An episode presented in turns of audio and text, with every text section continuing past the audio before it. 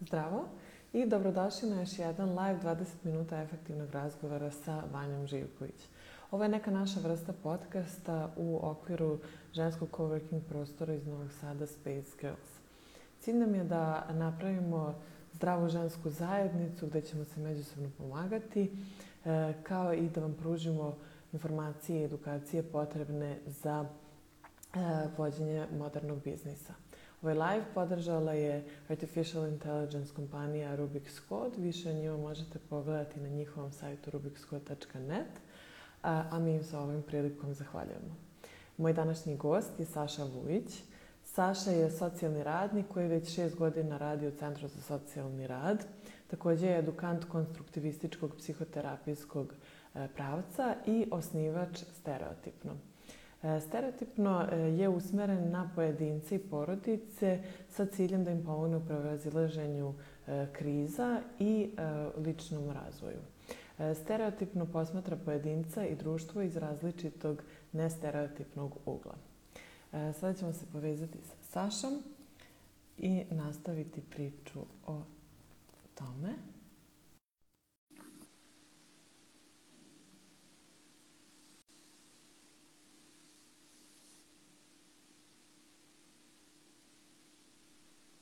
Ćao!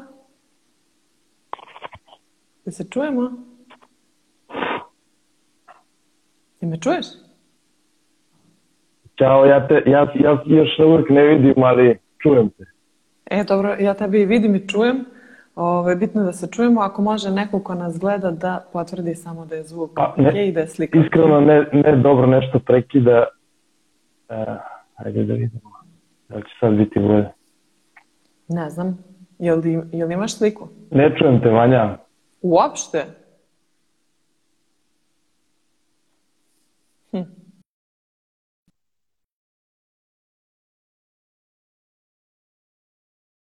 Sada? Saša?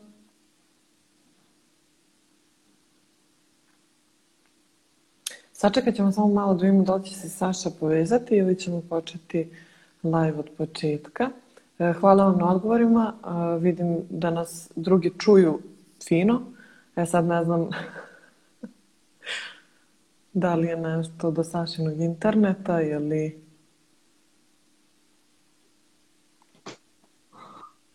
Saša? E, ja te čujem, ti mene čuješ? Ja tebe čujem. Ali ne znam, ali ja te... mene vidiš, čuješ, šta? Ja, ja tebe vidim, ali ne čujem, e, ne vidim sebe, ali čujemo se, dobro je. Tu si. Čekaj da, Bitno da se čujemo. Da. Ne, sad si izgubio. E, me vidiš sada? Da. e, dobro, okay, dobro. Tako smo potrošili 5 od 20 minuta. Da, mi je kadar ok, pošto ne vidim sebe. Jeste. Jeste, jeste. Tu ti je glava, ti je u kadru, sve ok. E, dobro, to je dobro. E, da li si čuo moje predstavljanje tebe? Jesam. I drago mi je što si me pozvala, baš mi je čast i radujem se evo što, što, o, što ćemo zajedno evo danas imati ovaj live i tako imam tremu malo i, i eto, radujem se. I ja se baš jako radujem i baš mi je čudno, čudno ovaj, da ovako pričamo. Uh, nekako me podsjeća na srednje škole, to mi je tako slatko. Da, i mene isto. E, ovaj, ništa, ako ne bi dodao ništa za svoju biografiju, ja bih onda krenula već sa pitanjima. Pa, pa nema potrebe, to je to, hvala ti na predstavljanju, mislim da, da je, to, to bi bilo to, što je najbitnije. Izvoli. Super. E, samo da naglasim da mislim da, da kasni možda par sekundi zvuk, ali to će da, primet... oprostit će nam ljudi. Biće koristan da. sadržaj. e, ovaj, ništa, hajde da krenemo onda od početka, pošto sad već par dana onako najavljamo i pričamo tako o nekim krizama. Ajde ti nam lepo sad za početku odmah da objasniš šta su krize, kada one nastaju i nešto malo više o tom pojmu. Da, pa to je vrlo širok generalno pojam. Uh, i kod nas u, u, u jeziku se koristi za razne, u raznim oblastima. Ono što naravno se tiče današnjeg našeg razgovora i ono što, što ću vam ja danas ukratko predstaviti jesu te krize, životne krize, koje mogu nastajati, nastaju iz raznih razloga a, i predstavljaju periode koji, koji nam se dešavaju tokom celog života, naravno svima nama i negde ni za koga nisu toliko laki, ali je razlika u tome kako, kako ih prevazilazimo. Mm. E sada krize nastaju prosto iz uh, različitih razloga. One mogu biti akcidentalne u smislu da nastaju iz razloga nekih događaja koji su uglavnom masivni, oni događaje koji nas zapljuskuju, te, te zbog toga se narušava naše funkcionisanje ali mogu biti prosto i, i deo našeg razvoja, koje, i to su one razvojne krize koje nastaju na tim nekim prelaznim periodima i generalno tokom razvoja, tako da nekako možemo, mogu nastajati iz i nekih spoljašnjih faktora i naravno iz unutrašnjih, uh, unutrašnjih faktora. Generalno i najkraće uh, u stvari krize nastaju zato što je narušen na, naš balans količina, količina nekih promena, ajde tako da kažem, koja se dešava u određenom trenutku, naše, ajde da kažem, biće, da ne kažem organizam, pa da budem pogrešno shvaćen, je ne može da, da, da primi toliku količinu promene, te dolazi do jedne vrste disbalansa. Mm -hmm.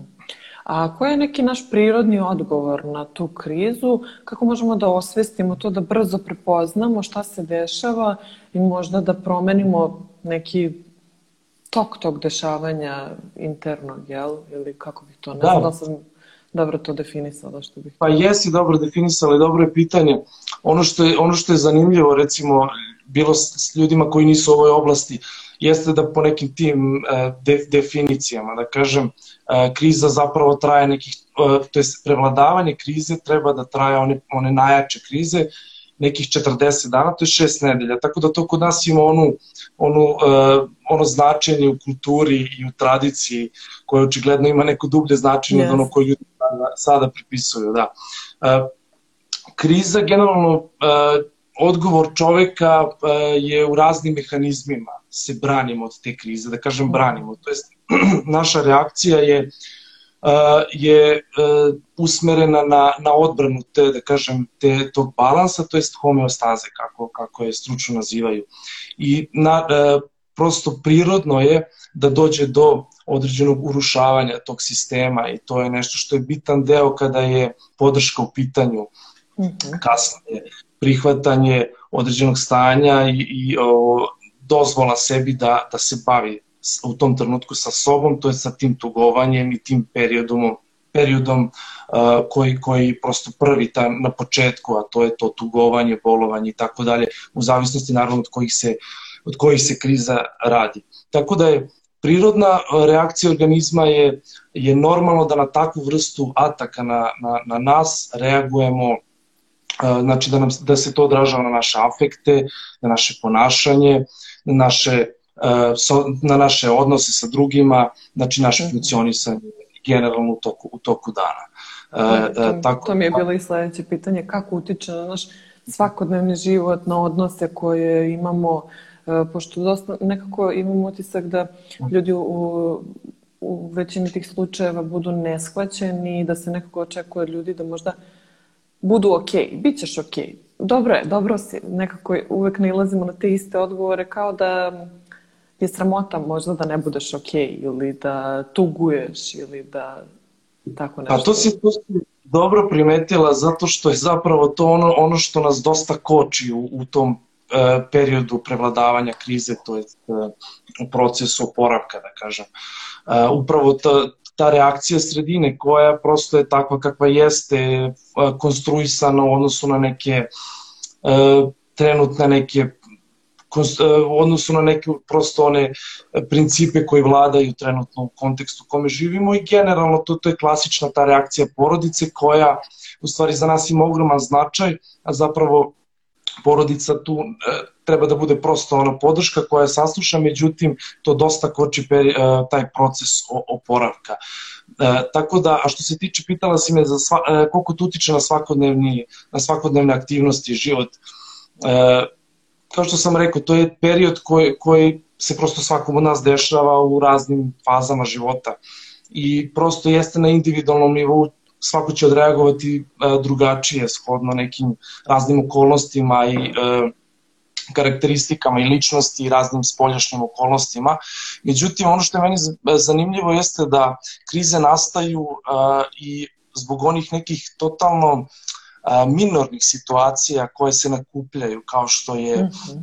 stres na poslu, pa čak i gužba, navodi se čak i gužba u saobraćaju kao kao, kao jedan od, od recimo faktora koji može uticati, tako da je na, na dnevnom nivou imamo proces koji, koji utiče na, na na stvaranje tih kriza da. i opet suprotno da, da opet još manje i disfunkcionalnije da kažem funkcioni, u toku dana su nam aktivnosti i, i sve ono sa mhm. taj ritam dana je narušen.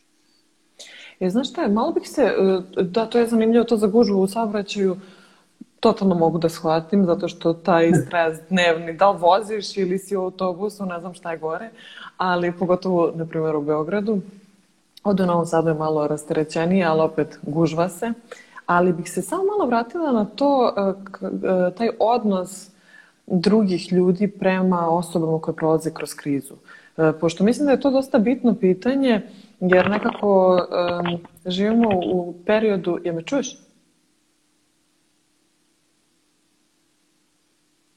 Saša?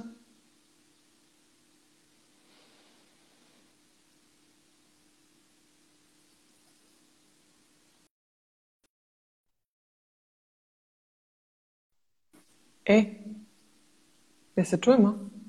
Ne čuješ, Vanja? Čujem te. E, možemo nastavimo ili... Vanja? Ja tebe čujem. E, ja tebe sad čujem, a vidim i sebe napokon. E, super. ne, ne, znam, ne znam šta se dešava, ovo, meni je internet u sobi ovaj router, tako da, da ne, ne znam da li je u tome problem, ali, ali dobro, čujem se. Izvinjavam ne znam. To, to su te čari live-a, prosto ne može uvek da bude da. savršeno. U 2020. Da, razočaravajuće totalno. E, ovaj, krenula sam da pričam, to je da te pitam, da se vratimo malo na tu temu reakcije drugih ljudi, e, na um, ljude koji prolaze kroz krizu i na ceo taj proces kroz koji oni prolaze, na to neko nerazumevanje.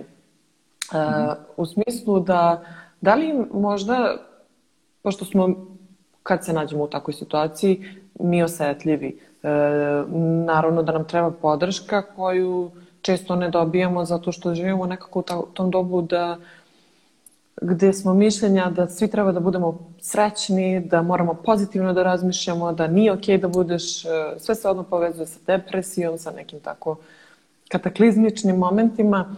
E, nešto o tome, ako bismo mogli malo popričamo, kako skrenuti pažnju možda ljudima kada nismo dobro, da je okej okay da nismo dobro neko da. vreme, da. da osetimo to što osjećamo. Pa, da je dosta pričamo o tome na stranici, generalno tiče se tog e, procesa oporavka, kao što sam malo pre rekao. E, često pored tog osjećaja srama, stida, a ono što je, što je vrlo teško zapodneti je da se dešava i taj e, osjećanje krivice koje je zbog neispunjavanja onih dnevnih mhm. obaveza koje imamo i na poslu i onih naših sadržaja unutar porodice koje, koje smo dužni, ili tako, i koje svakodnevno obavljamo. Tako da, kad si pomenula depresiju, recimo, ja tu jednom videu i kažem da, da osobe koje boluju od depresije, dodatno upadaju još u dublje stanje depresije baš iz razloga jer ne mogu da odgovore na zahteve porodice, i zbog toga osjećaju krivicu. Slično da. je i kod ovog, slično je i, i možemo reći i kada je priča o krizi kao generalno reakcije na bilo kakav stresni događaj, ajde tako najjednostavnije da kažemo. I upravo je uh, uh, resurs kao porodica kao resurs, sredina kao resurs bitna u tom oporavku, koja često ne, ne prosto iz neznanja ne reaguje adekvatno i to je to ono be strong, što je sasvim ok, ali ovakvi... Neki... straha nekog. Jer Jeste, ne žele da ta voljena osoba bude loše i onda Jeste. kao ti si dobro. Jeste, ti si dobro uh, i minimiziraju sve to što nam se dešava, pogotovo kad su recimo raskidi u pitanju razvodi, kao to je prosto naći ćeš uh, bolju, naći ćeš boljeg i nekako to je da. ono što mi često čujemo kao bože moj, pa šta sam sve ja prešao, to nije ništa.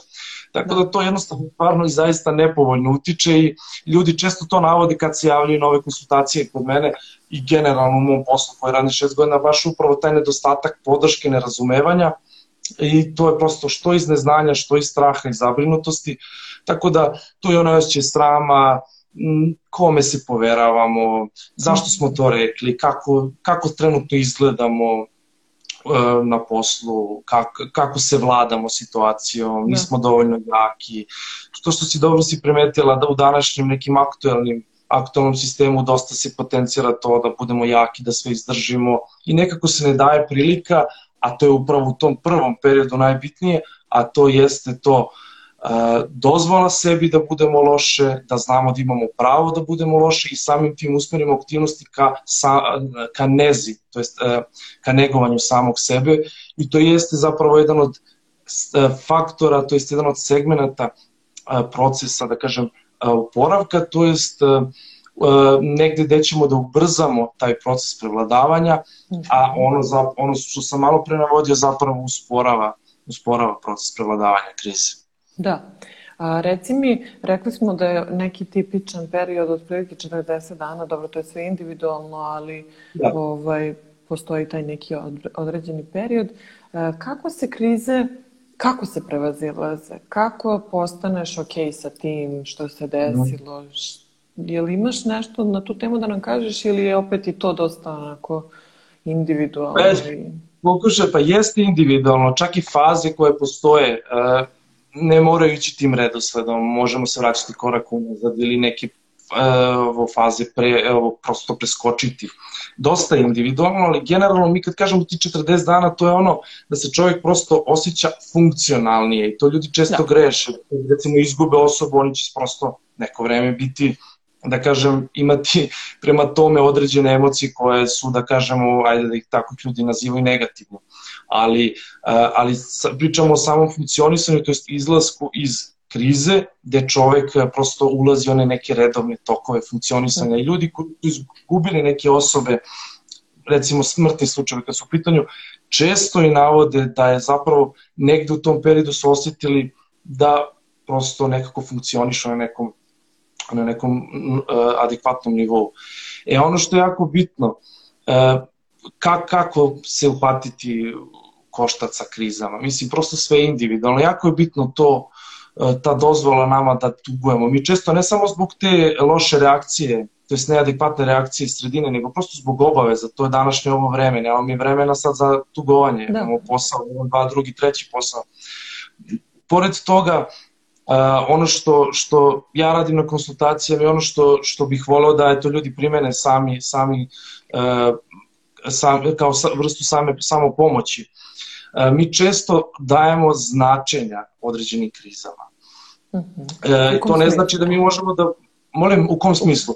Pa recimo, ako osoba, ajde sad primjer da uzmemo neki, je želela život i zamišlja ga da je to porodični život, da je to svrha, filozofija njenog života, da je brak nešto što je svetinja.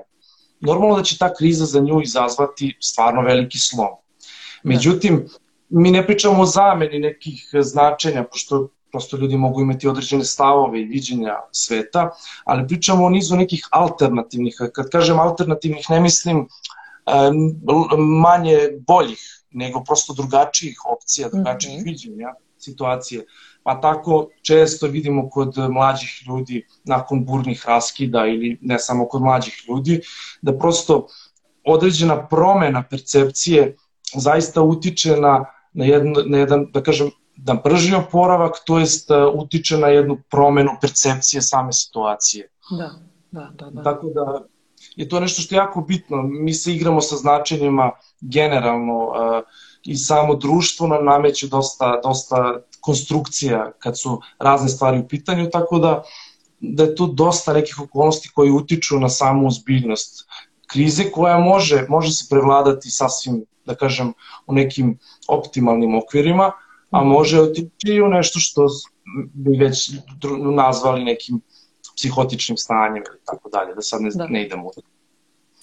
Da, u suštini, um, ako ne nailazimo na neku podršku iz okoline, uh, bilo bi dobro da se javimo nekom stručnom licu koje može da nam pomogne, da eto, na primer, to menjenje značenja neke krize, to je baš onako sjajan opis. E, to me podsjeća, na primer, kad prestaneš da pušiš ili kad počinješ da pušiš, zašto počinješ i zašto prestaješ.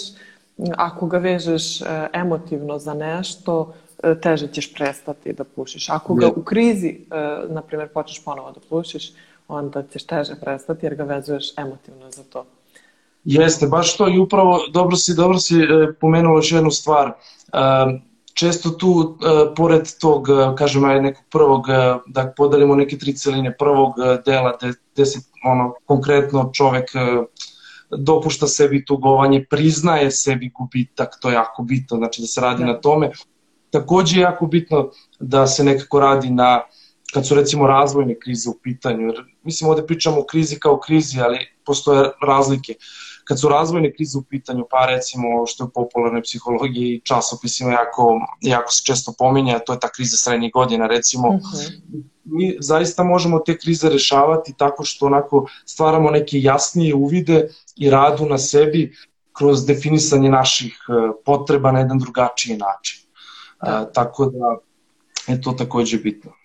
Da, zanimljivo. Reci mi, čemu nas uče krize?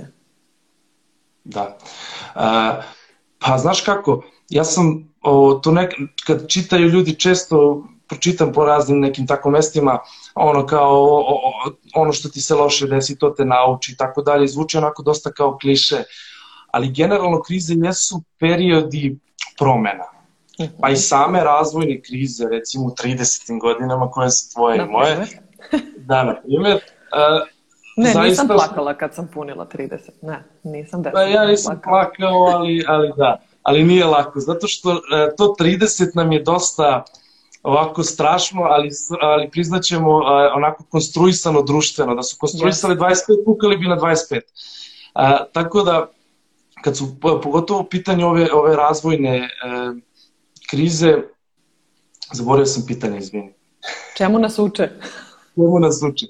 Kad su pitanju razvojne krize, one pogotovo predstavljaju prekretnice, gde jednostavno e, ti, ti tranzicioni periodi između recimo dva neka životna perioda, tu, dosta, tu često nailazimo na, na te i zapravo tu najčešće nailazimo na te neke razvojne krize koje se tako nazivaju. Uh, one često predstavljaju period gde mi ukoliko dobro tako prolazimo krizu ne naravno da ne zapadaju svi sad u krize neke koje koje, su, koje mogu biti problem u funkcionisanju, zaista dolazimo do nekih novih e, do nekih novih stvari i kriza jeste vreme za promenu, ona ono i, i definišuje ili za promenu ili jednostavno odlazak u nešto što e, što, što, nije, što nije dobro, to jest može, može otići zaista u, su, u suprotan pravac.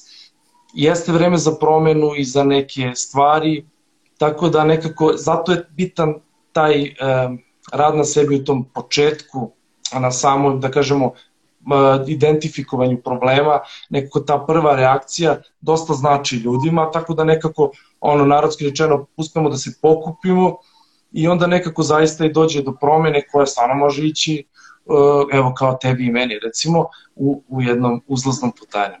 Na primer, nikad nismo bili lepši i pametniji nego sa 30, da. realno.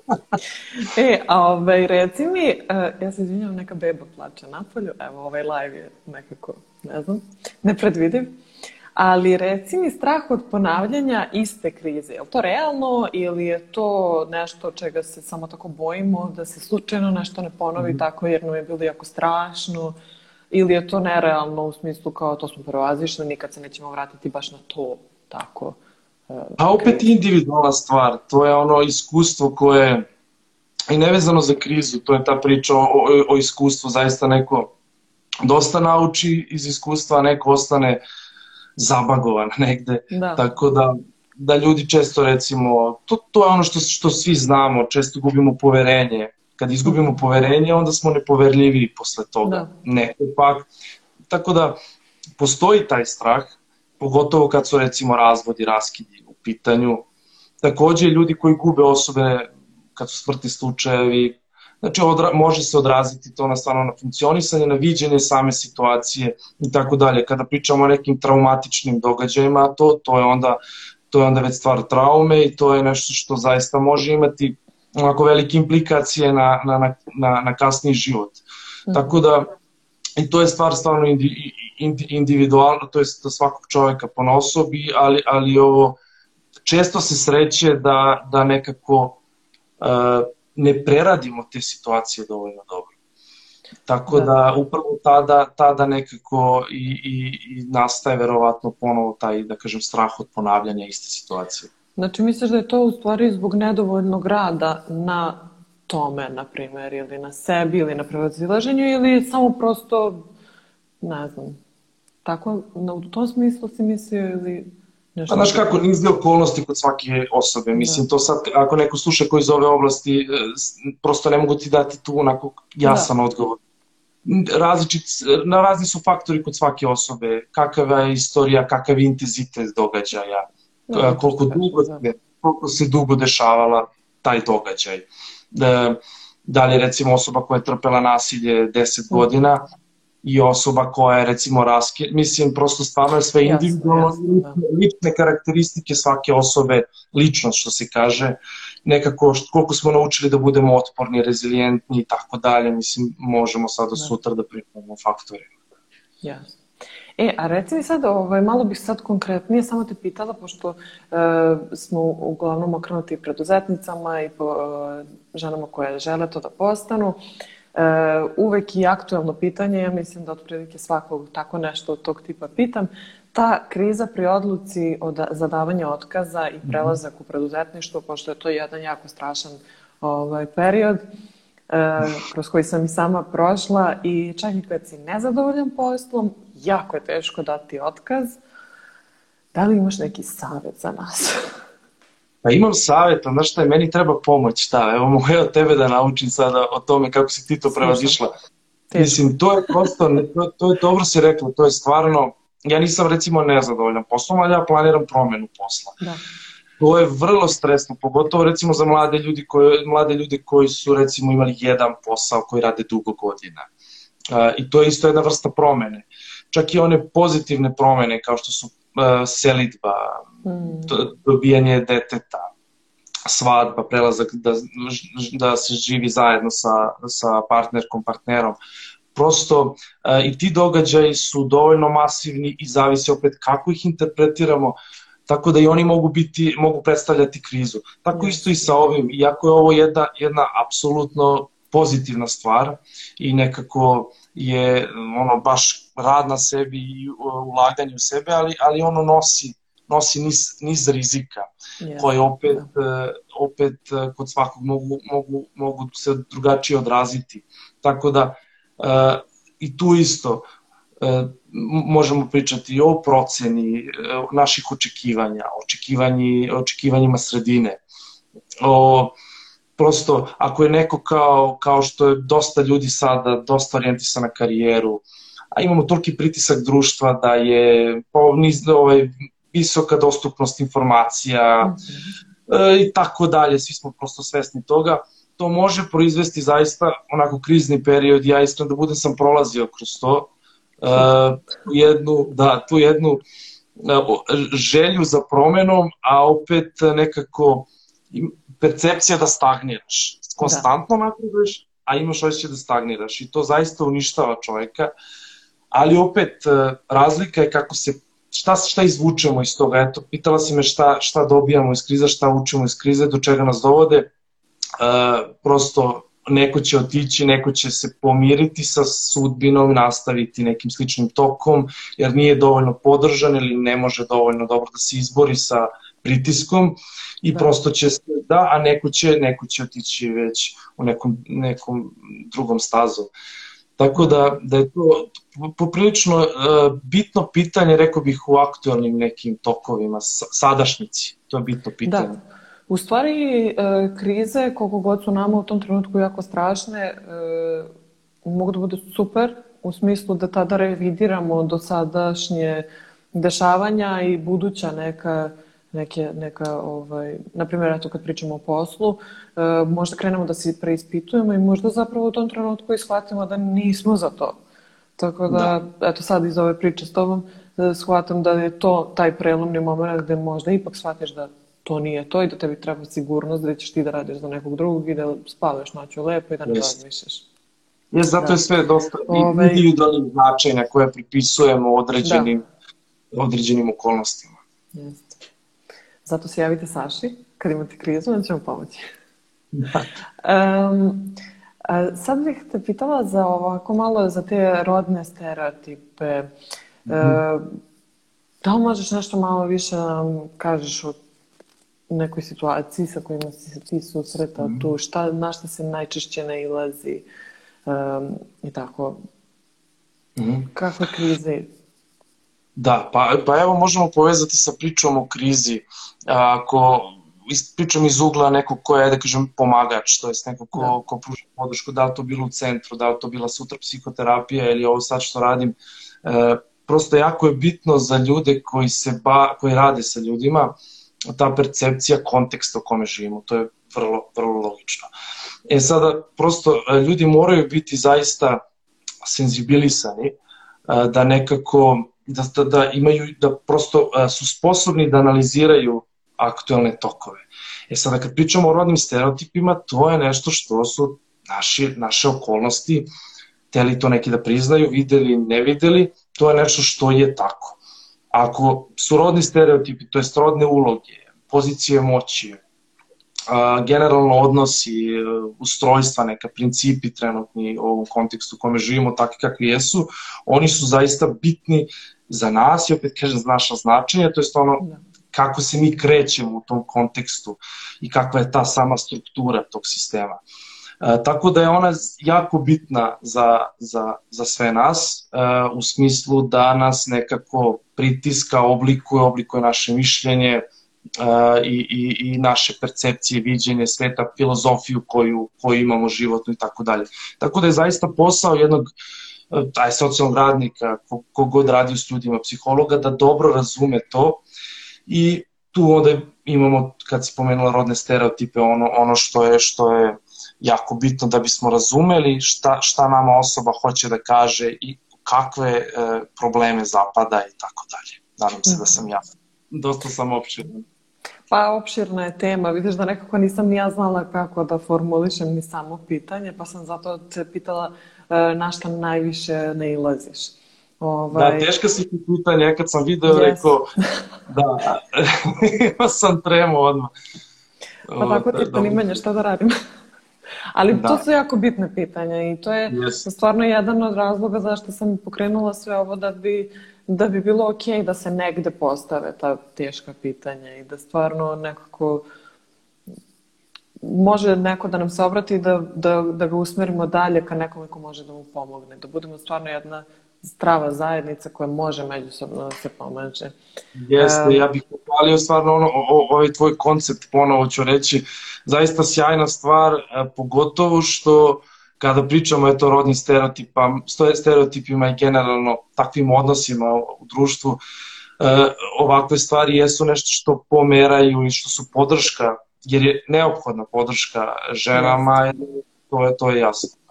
Mislim, preduzetnički put je uvek e, e, izazovan, a pogotovo za žene preduzetnice, pogotovo ako žele da planiraju porodicu i sa svim nekim stereotipima sa kojima se susreću svakodnevno.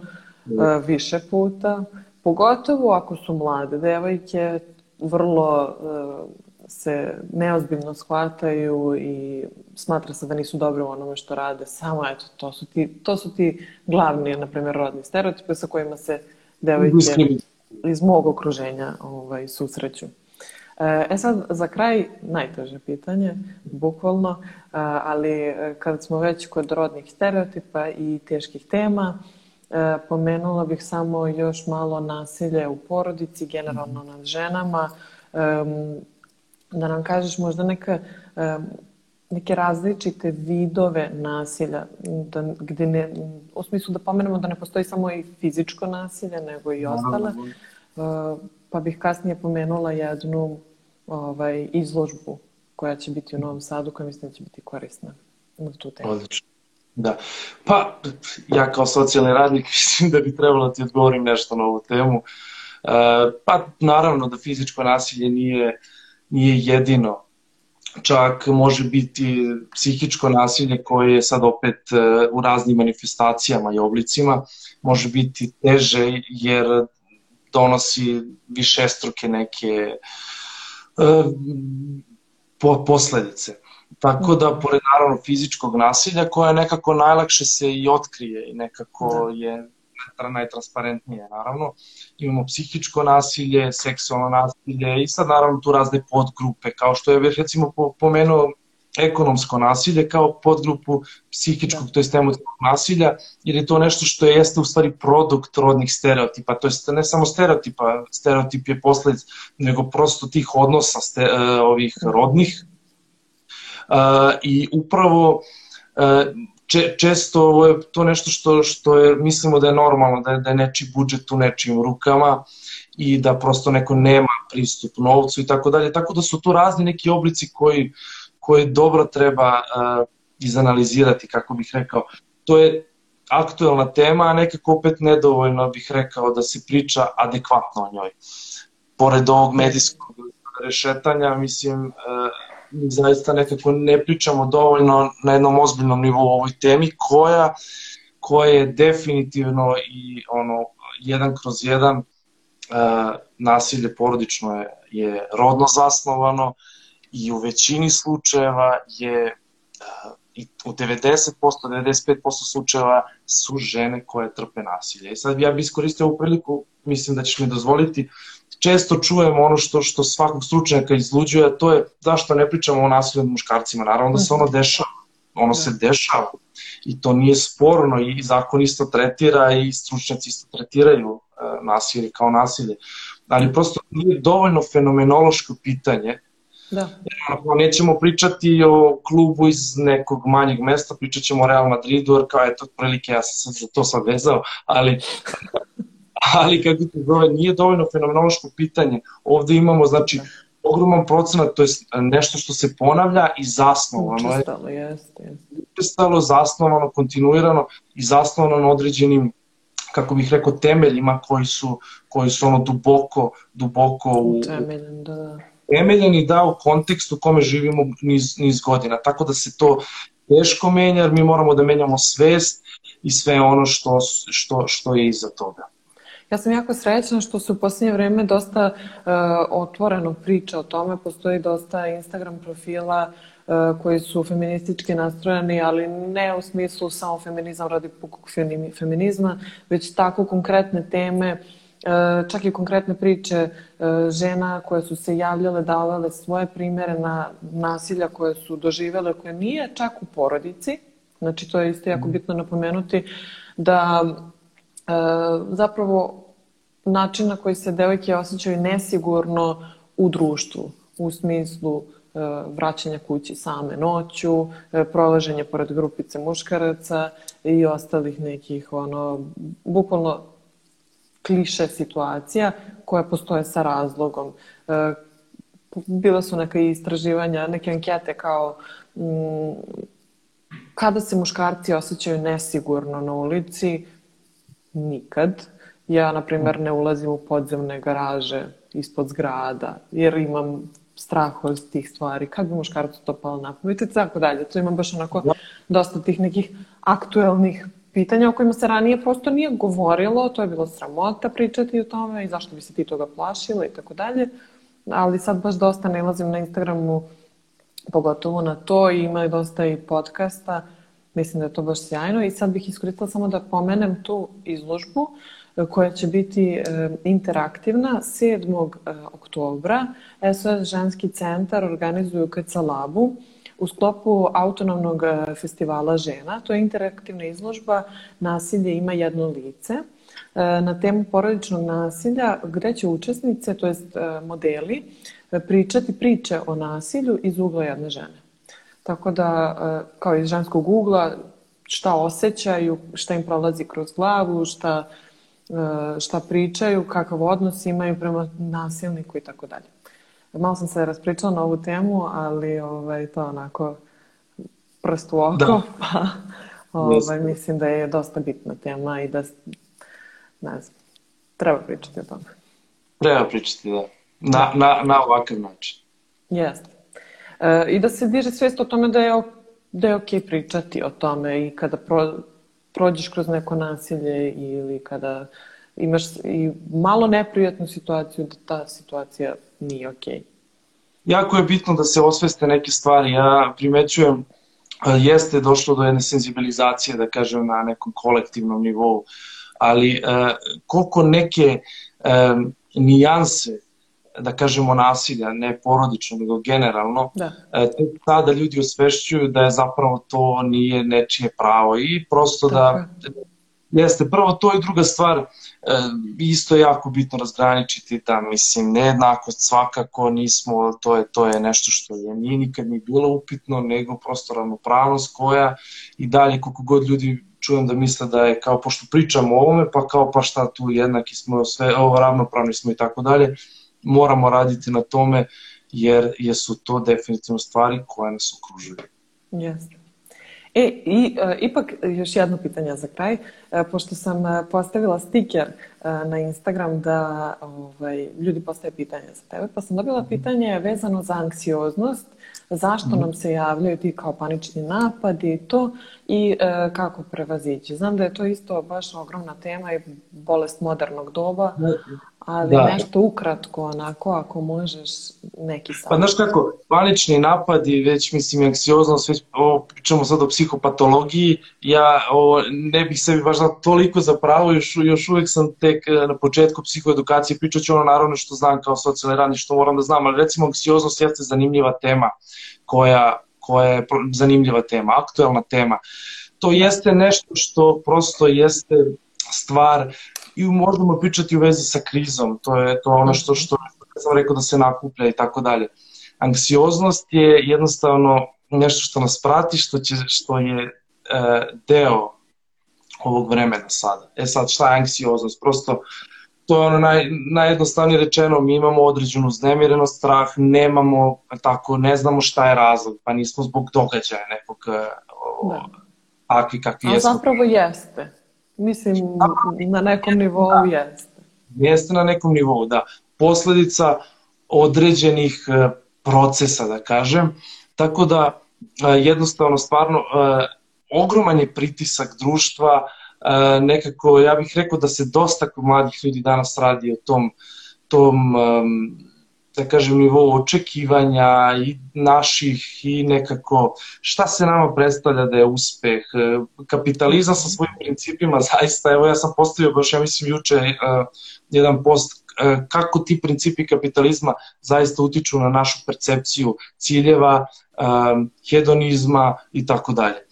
Tako da nekako anksioznost, anksioznost kao posledica raznih nekih stvari može biti Da. je nešto što se već mora, mi je osjećamo svi svakodnevno, ali kada pričamo Da. o anksioznosti, kao zaista stanju koje nam se dešava u pravom smislu te reči, ljudima predlažem da prosto se obrate za stručnu pomoć psihoterapeutu, pre svega, tako da ne znam Jeste, to je da... najbrži način nekako da se e, dođe do toga, do srži zašto se dešava i na koji način da se prevaziđe neke tehnike. Jeste, jer upravo mi, mislim, prosto nekako nismo u dovoljnom dodiru sa sobom.